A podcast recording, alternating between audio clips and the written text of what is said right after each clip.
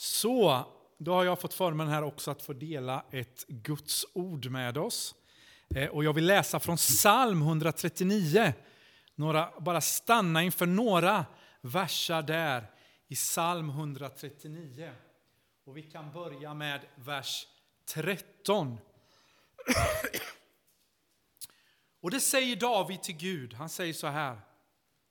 Du skapade organen inne i min kropp. Du vävde samman mig i min mors livmoder. Det är kanske det mest berömda konstverket. Säljs för kanske hundratusentals miljoner dollar, jag vet inte hur mycket. Men vad är det som gör den här tavlan så värdefull? Är det inte så att det faktiskt är konstnären? Det var da Vinci som målade den här, kanske en av de mest begåvade konstnärerna. Det är konstnären som gör målningen så värdefull. David säger till Gud, du skapade mig. Du är värdefull för att Gud skapade dig. Ditt värde kommer ifrån Gud. Gud som skapade dig, han är fantastisk, han är underbar. Därför är du så värdefull. Du är inte värdefull på grund av det du gör. Du förlorar inte ditt värde när du misslyckas. Kanske är du inte värdefull i andras ögon, men du är så dyrbar för Gud. Tänk dig att du går härifrån idag och så ser du samma målning, men den är slängd i en container här ute någonstans. För den är liksom trasig, den är lerig, den är smutsig, det finns fläckar på den. Det är därför någon slängde den där. Vad gör du med målningen då? Tänker du, nej men fy den är så smutsig, den är så trasig, så jag låter den vara. Eller ta, du vet att den här är ju jättevärdefull, så du tar målningen, du tar det till någon expert som kan det här med tavlor, som någonstans får laga den och rengöra den. Jag tänker att vi som människor, vi är som den här tavlan. Vi är dyrbara för att vi är skapade av Gud, men vi är trasiga och smutsiga på grund av synden. Men Jesus hittade oss, han lämnade oss inte på soptippen, utan han räddade oss därifrån. Han tvättade oss rena och han håller fortfarande på och jobbar med oss för att förvandla oss till att bli lika honom. Vi läser vidare vers 14. Jag tackar dig för att jag är så underbart skapad. Eh, vi har två söner och det här är vårt första barnbarn som föddes här för snart ett år sedan. Och när han föddes så kunde inte min fru vara kvar i Turkiet utan hon sa jag åker hem till Sverige för jag vill se vårt barnbarn. Och så berättar hon för mig så här upphetsat på telefonen, Nej, men han är ju jättesöt. Han är den sötaste bebisen jag någonsin har sett. Det finns ingen som är så söt som honom. Och då säger jag till honom, men det säger du ju bara för det är ditt eget barnbarn. Och så säger nej, han är faktiskt världens sötaste bebis. Och jag kan liksom inte övertyga henne om att hon älskar det bara för att det är sitt eget barnbarn. Men jag tänker ändå så här, att David säger, jag tackar dig för att jag är så underbart skapad. Att vi alla är underbart skapade, vi är alla Guds favoritbarn. När jag var liten så tyckte det var tre fel på mig. Jag var rödhårig, jag var mycket mer, då var jag rödhårig. Jag var fräknig och jag var spinkig som man sa då. Jag var smal. Och jag, liksom, jag kände att jag var annorlunda, ingen annan var rödhårig och fräknig i min klass. Och jag ville liksom inte vara det där. Men det är faktiskt så att Gud har skapat dig med precis som vi är. Han ville att vi skulle vara sådana som vi är. Så vi behöver faktiskt säga som David säger, jag tackar dig för att jag är så underbart skapad. Och så går David vidare och så säger han så här i vers 16. Alla mina dagar blir skrivna i din bok, formade innan någon av dem hade kommit. Gud formar inte bara våra kroppar, utan han bestämde också våra dagar. Han planerade våra liv. Gud hade ett syfte, Gud hade en plan, Gud hade en mening med att vi föddes. Gud säger så här till Jeremia i Jeremia 1, 4 och 5. Jag kände dig innan jag formade dig i moderlivet. Innan du föddes avskilde jag dig och utnämnde dig till en profet för folken. Innan vi ens föddes hade Gud en plan för våra liv. Innan vi ens föddes så var Gud aktiv. Han formade oss, han planerade våra liv. Och då tänker jag så här, nu när vi är hans älskade barn, hur mycket mer aktiv är han inte då i vårt vardagliga liv? Gud är så mycket mer verksam och aktiv i ditt liv än du ens kan ana och tänka. När jag var ungefär 4-5 år gammal så kom jag cyklades på min trehjuling, trehjuling till min faster. Och så sa jag så här, när jag blir stor så ska jag fylla min trehjuling med tusen liter bensin. Jag ska köpa en jättestor glass och så ska jag följa med dig till Afrika. Min faster var missionär i Afrika. Och det jag liksom hade förstått med min lilla hjärna då, det var att Afrika är väldigt långt borta. Så jag behöver minst tusen liter bensin i min trehjuling. Jag visste också att Afrika var väldigt varmt, så jag måste ha en riktigt stor glass. Så när jag var liten då ville jag åka till Afrika. Sen så kom jag till tro i, i högstadiet. Och i gymnasiet så, länk, så växte det fram en längtan att få tjäna Gud.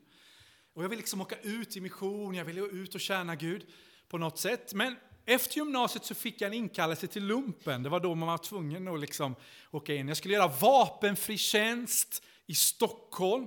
Och jag vet att jag var så besviken för jag ville verkligen, äntligen har jag slutat gymnasiet, äntligen får jag bestämma vad jag själv ska göra, men det fick jag tydligen inte. Utan nu var jag tvungen att göra tio månader lumpen. Så jag åkte upp till Stockholm där och var så lite besviken och tänkte tio månader som jag måste kasta bort. Och så kommer jag upp dit, eh, jag kom från Vimmerby i Småland, uppvuxen i Missionskyrkan. Där var det två pingstvänner från Norrland, från Vilhelmina och Åsele. Och de sa till mig så här, för det här var tre dagar innan Lucia, och då sa de, vi kan väl inte sitta inne under Lucia, vi måste gå till någon kyrka, sa de. Och då tänkte jag, okej, okay, måste vi? Okej, okay, så gjorde vi det. Jag kände ju inte till någon kyrka i Stockholm. Men de visste om Philadelphia-kyrkan. Så vi gick till Philadelphia-kyrkan. Men det visade sig att den var stängd. Så det var inget program där på Lucia. Så då gick vi, jag och två norrlänningar där på Sveavägen, lite vilsna. Och sen när vi tittar in på en gata så ser vi ett kors till höger där. Och vi går fram och så finns det en kyrka som heter Citykyrkan. Och där var det ett program så vi var med där, vi lyssnade på en kör. Och så visade det sig att de hade gatuevangelisation på kvällarna. Och jag var uppvuxen i Missionskyrkan i Vimmerby, det var med scouter och sånt. Jag hade liksom inte gjort gatugymnasium, så jag tyckte det var väldigt spännande. Så jag var med där på kvällarna och helgerna. Och sen efter några månader så kommer ungdomspastorn fram till mig och säger så här. Henrik, nästa höst så ska vi starta ett evangelisationsteam. Och vi har tjejer som eh, har anmält sig att vara med, men vi har inga killar. Och jag har en fråga, kan du tänka dig att vara med i det evangelisationsteamet? Och då visste jag någonstans att det var det här som Gud hade planerat för mig. Jag kanske ville åka till någon annanstans, jag vill absolut inte göra lumpen, men någonstans hade Gud då lett mig in i det här. Och där hade vi två fantastiska år där jag fick vara med ute på gatan och evangeliserade, träffade min fru Anna, hon hade också ett hjärta för mission. Och efter det så, så började vi åka ut i mission. Ditt och mitt liv ingår i Guds större plan för den här världen. Gud vill använda dig och mig för sina syften till välsignelse för andra. Gud håller på att utföra sin frälsningsplan i den här världen. Han håller liksom på att skriva sin berättelse. Historien heter ju på engelska history. Alltså his story, hans berättelse. Och det är så att historien är faktiskt Guds berättelse. Där han håller på att skriva en berättelse och där han vill använda dig och mig. För 90 år sedan var det en ung nunna som åkte till Indien. Hon skulle arbeta där som lärare i en skola. Men när hon kommer till Indien så slås hon av fattigdomen. Hon ser hur de gamla och sjuka lever på gatorna, de dör på gatorna. Och hon känner, jag måste göra någonting för att hjälpa dem. Så hon öppnar ett hem för de gamla och sjuka för att de ska slippa dö på gatan. Och Moder Teresa börjar liksom visa Guds kärlek för de fattiga. Och hon säger till den fattige, genom min hand så sträcker Gud ut sin hand till dig. Hon säger, jag har hört Jesu kallelse och nu följer jag honom och tjänar honom ibland de fattiga. Och hon sa också så här, jag är en liten penna i Guds hand som sänder ett kärleksbrev till den här världen. Hennes plan var att få vara lärare, men Gud hade en annan plan. Tänk att du och jag kan få vara en liten penna i Guds hand när Gud skriver ett kärleksbrev till den här världen. Att vi kan få vara använda av honom, att vi kan få vara en del av hans plan. Men du kanske tänker så här, men det låter ju fint, men jag är ingen Moder Teresa. Du kanske tänker att ja, men jag har gjort ganska mycket dumt i mitt liv. Jag har till och med kanske klantat till det. Jag har till och med fått chanser att göra saker, men så har jag liksom klantat till det igen. Och du kanske säger, ja, men det är kört för mig, jag har gjort så många misstag. Jag önskar att jag skulle liksom kunna se till, liksom ändra mitt förflutna. Börja om från ett blankt papper. Du kanske tänker, att det känns som jag har missat Guds plan med mitt liv. Och ibland kan vi gräma oss över misstag som vi har gjort. Och vi tror att vi har missat Guds plan. Eller så kanske vi tänker att vi har missat Guds plan för att vi inte gjorde det som vi trodde var Guds vilja med våra liv. Andra saker kom emellan, det kanske rann ut i sanden. Eller vi liksom vågade inte ta det steget. Jag skulle vilja gjort det men så blev det liksom aldrig av och så har tiden gått. Och så tänker vi vi har missat Guds plan. För vi gjorde inte det vi trodde Gud ville. Jag har missat Guds A-plan för mitt liv. Kanske får jag nöja mig med hans B-plan eller Guds C-plan. Om du känner att du har missat Guds plan med ditt liv på grund av det du gjort eller det du inte gjort eller kanske vad någon annan har gjort emot dig som kanske blev som ett hinder i ditt liv så skulle jag vilja säga att Gud är så mycket större än så. Om det skulle hänga på oss så tänker jag att vi alla skulle missa Guds öplan med våra liv. Gud är så stor, han är så mäktig, han är så full av nåd och barmhärtighet. Så han har till och med vävt in dina och mina misstag och felsteg i sin plan. När Gud planerade våra liv så visste han att vi var människor. Han visste att vi gör fel. Så han vävde till och med in våra misstag i sin plan för våra liv. Gud visste att Adam och Eva skulle synda. Så redan innan så beslutade han att han skulle sända sin son att dö för våra synder. Vi kan ta nästa bild. Jag läste om en kvinna vars familj hade hållit på med vävning i många generationer och de tillhörde en urbefolkning på Hawaii. Hon berättade hon lärt sig av sin mamma som i tur lärt sig av sin mamma. Och de hade ganska komplex design i det här. Och då var det någon som frågade om deras mönster som de gjorde var en slags familjehemlighet. Men då berättar kvinnan så här. Ibland när jag väver så far liksom mina tankar iväg och jag börjar tänka på annat. Och så gör jag ett misstag. Men jag slänger inte arbetet utan jag försöker se hur jag kan få det här felet att passa in i helheten. Och till slut så har jag ett mönster som ingen tidigare har gjort. Och jag tänker att det är så med Gud. Gud väver till och med in våra misslyckanden i sin plan för våra liv. Så här säger Paulus i Romarbrevet 8.28. Vi vet att allt samverkar till det bästa för den som älskar Gud, som är kallade efter hans beslut. Gud har vävt in våra misstag till och med i sin plan för oss. De felaktiga saker som andra gör emot oss har han också vävt in i sin plan för våra liv. Vi ser det i Bibeln, vi ser det i Josefs liv. Josefs bröder försökte döda honom. Han blev såld till slav i Egypten. Och allt detta leder ju till att Josef får regera i Egypten och rädda hela Israels framtida historia. Och då säger Josef till sina bröder, det är inte ni som har sänt mig hit utan Gud till räddning för många. Alltså Josef ser där Guds frälsningsplan, hur han till och med vävt in det hans bröder har gjort emot honom för att fullborda sin plan. När jag var liten så vävde min farmor trasmattor. Jag vet att jag kollade in i det här rummet och hon hade en vävstol. Och jag tyckte det var ganska rörigt, det var mycket trådar, det var mycket tygbitar och så här och ganska trassligt och så. Och är det så när man tittar på undersidan av en trasmatta så kan det ju vara att det kan vara lösa trådar, det kan vara tygbitar, det kan se ganska trassligt och rörigt ut på undersidan. Och våra liv kan ibland kännas som undersidan på en trasmatta. Och när vi ser tillbaka på våra liv så kanske vi tänker, men Gud vad tänkte du här? Gud vad ville du med det här? Vad var meningen med det här? Jag som hade hoppats på det här som inte blev av och så vidare och så vidare. Men när man vänder på mattan och ser från ovansidan så finns det ett mönster, det hänger samman, det finns en plan. Och i det här livet så ser du och jag oftast bara undersidan. Vi ser det här trassliga.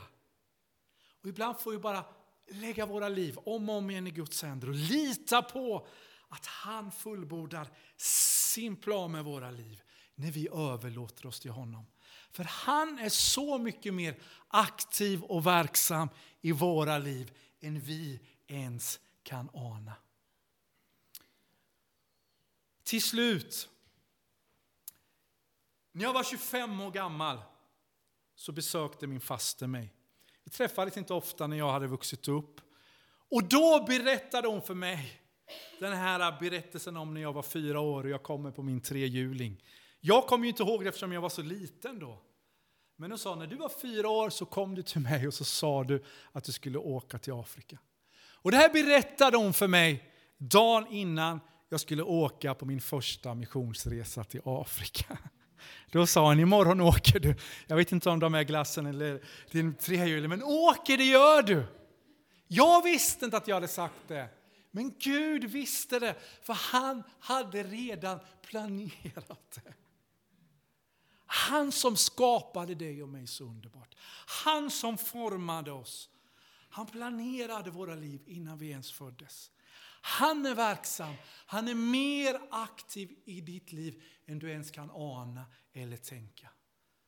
Så mitt budskap är idag att låt oss bara än en gång lägga våra liv i Guds händer och förtrösta på att det är han som väver väven och att vi får vara en del av det. Och ibland så ser vi inte, vi förstår inte vad som händer i livet. Men Guds tankar är högre än våra tankar. Guds planer är högre än våra planer. Och Gud verkar, när ni ber i bua så rör Gud människor i Turkiet. Så Gud är verksam. Och han har en plan med ditt liv. Oavsett hur det ser ut än idag, så tänk att allt som du har varit med om väver Gud in till hans ära, till hans, att hans frälsningsplan ska gå fram. Så låt oss bara läsa de här verserna. Jag vill läsa dem en gång till innan vi ber tillsammans. Låt oss be från våra hjärtan, säga det som David säger. Du har skapat mina njurar. Du vävde mig i moderlivet. Jag tackar dig för att jag är så underbart skapad. Underbara är dina verk. Min själ vet det så väl. Benen i min kropp var inte osynliga för dig när jag formades i det fördolda, när jag bildades i jordens djup. Dina ögon såg mig när jag bara var ett foster. Alla mina dagar blev skrivna i din bok, formade innan någon av dem hade kommit. Hur ofattbara är inte dina tankar för mig, Gud? Hur väldig är inte deras mångfald? Amen. Herre, så tackar vi dig att vi får vara den här eftermiddagen, den här kvällen i Bua, Herre. Och vi är här för att du planerade att vi skulle vara här, Herre. För att du älskar oss så oerhört mycket. För att du har skapat oss, för att du har format oss precis som du ville, Herre. Och Herre, nu får vi än en gång lägga våra liv i dina händer. Och veta att du går med oss oavsett vad som sker i våra liv, Herre. Så tror vi att ingenting kan stå emot dina planer, dina tankar med våra liv, Herre. Så vi vill överlåta oss till dig, vi vill lägga våra liv i dina händer. Herre, nu ber jag särskilt för dem som går omkring och grämer sig över saker som kanske hände för 20 år sedan, 30 år sedan. Tänk om jag hade tagit det beslutet istället. Men Herre, till och med det visste du Herre. Du visste att vi skulle göra det, kanske snedsteget, felsteget, misstaget. Och du vävde in det i din plan för våra liv, Herre. Så nu ber jag Herre att var och en som sitter här den här eftermiddagen ska bli fri från skuld, Herre. Att gå och känna att jag kanske lever i Guds B eller C-plan. Nej Gud, din plan för våra liv fullbordas, Herre. Herre, jag ber att vi ska kunna se framåt. Tack att den vår som kommer, Herre, i var och en av våra liv, Herre. Oavsett hur många dagar, år vi har kvar, Herre, så har du räknat dem, Herre. Och nu vill vi överlåta våra liv i dina händer, Herre. Vi vill leva i din plan, Herre. Vi vill vara en liten penna i din hand så att du kan skriva ditt kärleksbrev till den här världen, Herre. Så vi lägger oss själva i dina händer, Herre. Signa församlingen här. Jag vill signa dess framtid, Herre. Tack för vad du vill göra, Herre. Tack för var och en som är här idag. Välsigna dem i Jesu namn. Amen.